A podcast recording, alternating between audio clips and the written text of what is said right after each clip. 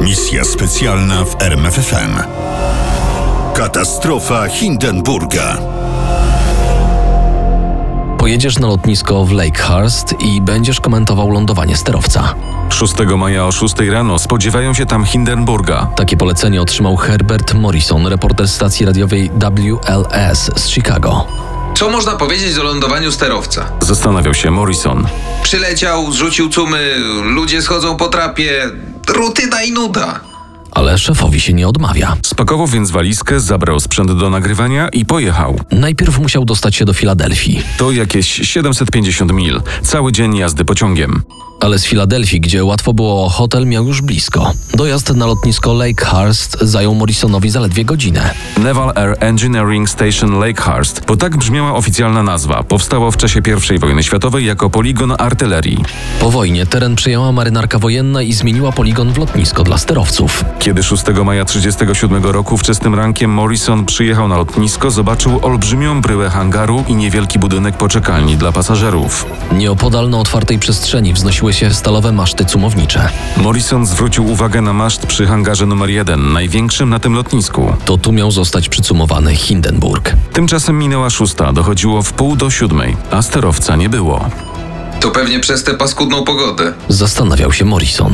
Pogoda tego dnia rzeczywiście była beznadziejna. Padało i zanosiło się na burze. Lecz opóźnienie sterowca miało jeszcze inną przyczynę zachodni wiatr nad Atlantykiem. Zamiast o 6 rano, jak planowano, sterowca spodziewano się nad Lakehurst 10 godzin później. Kwadrans po 16 Hindenburg znajdował się nad Bostonem. Dowódca sterowca, kapitan Max Prus, meldował.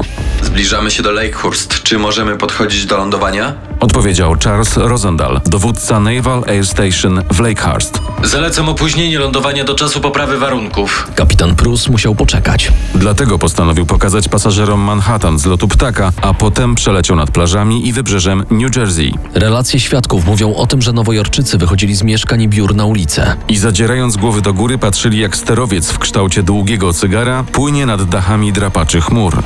Niewielu z tych gapiów wiedziało, że wewnątrz znajdują się zbiorniki wypełnione gazem lżejszym od powietrza. Mało kto wiedział również w jakich warunkach podróżują pasażerowie. Górny pokład A to 25 małych dwuosobowych kabin. Na lewej burcie znajdowała się jadalnia, na prawej salon. Na dolnym pokładzie B były toalety, mesa dla załogi i palarnia. Tak, mimo że wydaje się to niezrozumiałe, można było palić na sterowcach. Stewardzi pilnowali tylko, żeby nie wychodzić z zapalonymi papierosami z palarni. Tymczasem przed godziną 18 warunki uległy poprawie. 12 minut później wiceadmirał Rosendahl wysłał Prusowi kolejną wiadomość. Temperatura, ciśnienie i widoczność w normie. Wiatr umiarkowany. Warunki odpowiednie do lądowania.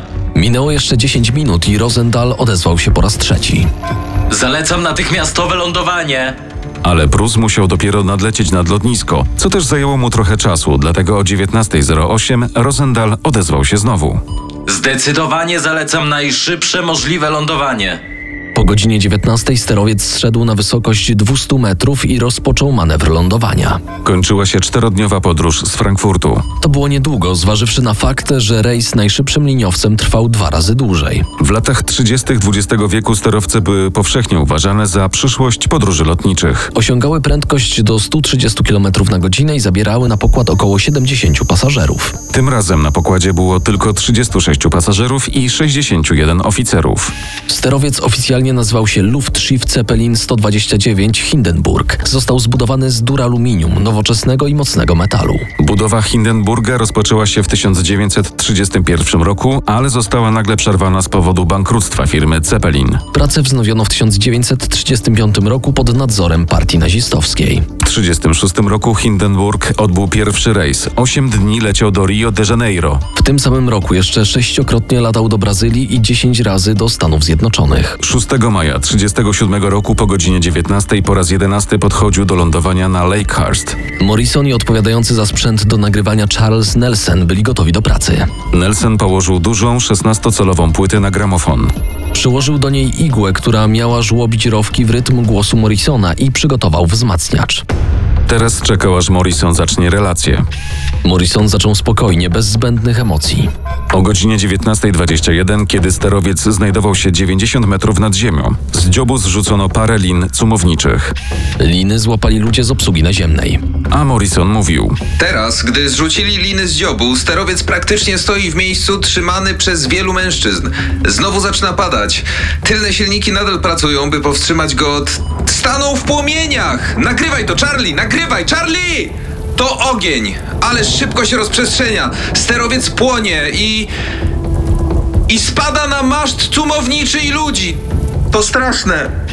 Pół minuty po wybuchu pożaru Hindenburg runął na ziemię, a w 90 sekund wypalił się cały wodór. W tych piekielnych warunkach kwestia przeżycia rozbijała się o to, gdzie kto się znajdował. Pasażerowie i załoga zaczęli wyskakiwać przez okna. Większość pasażerów znajdujących się w pomieszczeniach ogólnodostępnych na pokładzie A przeżyła. Ci, którzy znajdowali się w kabinach pasażerskich na środku pokładów lub w pomieszczeniach załogi, na ogół ginęli w pożarze. John Panes, dyrektor linii Hamburg America z Nowego Jorku, był w jadalni, gdy wybuchł pożar. Zachęcany do skoku przez znajomego fotografa zrezygnował. Poszedł szukać żony, która wróciła do ich kabiny po płaszcz. Oboje zginęli w pożarze. Państwo Donner i ich troje dzieci. 16-letnia córka i dwóch synów w wieku 10 i 8 lat byli w jadalni i obserwowali lądowanie. Ale pan Donner wyszedł zanim wybuchł pożar. Kiedy zaczęła się katastrofa, pani Donner i jej dwaj synowie wyskoczyli przez okna. Córka natomiast poszła szukać ojca. Zginęli. Werner Franz, 14-letni chłopiec do pomocy, stał oszołomiony sytuacją, nie wiedząc co robić. Ale kiedy zbiornik na wodę pękł, gasząc pożar wokół niego, zrozumiał, że musi uciekać. Dobiegł do najbliższego okna i wyskoczył w chwili, gdy dziób sterowca odbijał się od ziemi. Zaczął biec w kierunku prawej burty, ale nagle zatrzymał się, odwrócił i pobiegł w drugą stronę. Miał szczęście. Przeżył. Tymczasem dramat trwał nadal. Zginęło 13 z 36 pasażerów i 22 z 61 członków załogi, a także jeden pracownik obsługi naziemnej. Kiedy eksperci pochylili się nad przyczynami katastrofy, doszli do wniosku, że cudem jest tak mała liczba ofiar. Przeżyło 62 z 97 ludzi znajdujących się na sterowcu. Przed ekspertami postawiono trudne zadanie, o czym przekonali się, kiedy próbowali ustalić miejsce wybuchu pożaru. O ile wszyscy świadkowie mówili, że pożar wybuchł na rufie, to różnili się w szczegółach.